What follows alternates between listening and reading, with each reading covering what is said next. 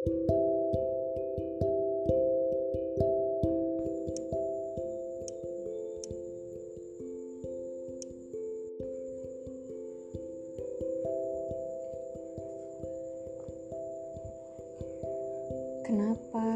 Kok pisah?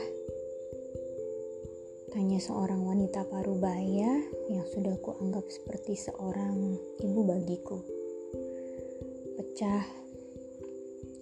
Tangisku pecah di hadapannya. Refleks aku memeluknya dan mengucap, "Maaf. Maaf tante kalau jadinya begini." Tak banyak kata yang kuucap karena sejujurnya aku malas menceritakan semuanya lagi dari awal. Mengulang cerita lagi yang pasti akan membuka luka-luka yang saat ini sudah susah payah kubalut.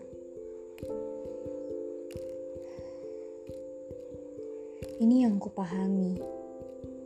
Gak semua orang mengerti apa yang kita alami dan mengerti apa alasan dibalik keputusan yang kita buat.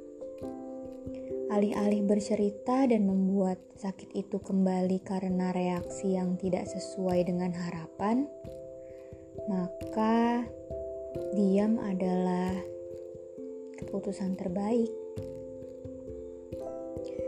Saat itu aku hanya berkata, "Maaf, maaf, tante." Mungkin kami belum berjodoh untuk saat ini. Terima kasih karena sudah sangat baik sama aku. Maaf jika aku banyak salahnya. Dia melihatku dan tersenyum. Kalau bisa, balik lagi. Coba diomongin lagi baik-baik.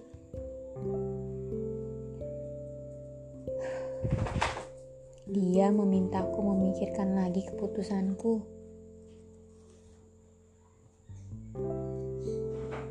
Dan kembali, aku terdiam sejenak.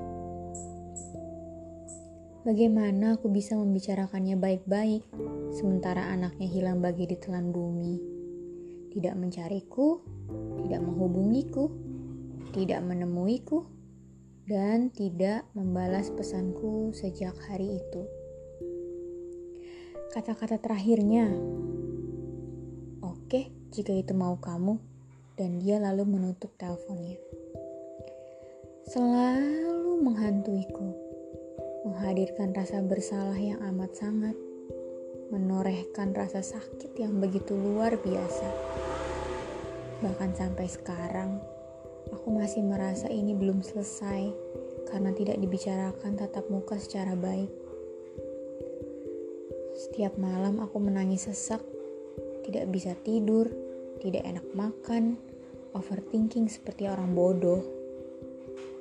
Bagaimana bisa aku yang mengakhiri tapi aku juga yang mengkhawatirkan kondisinya?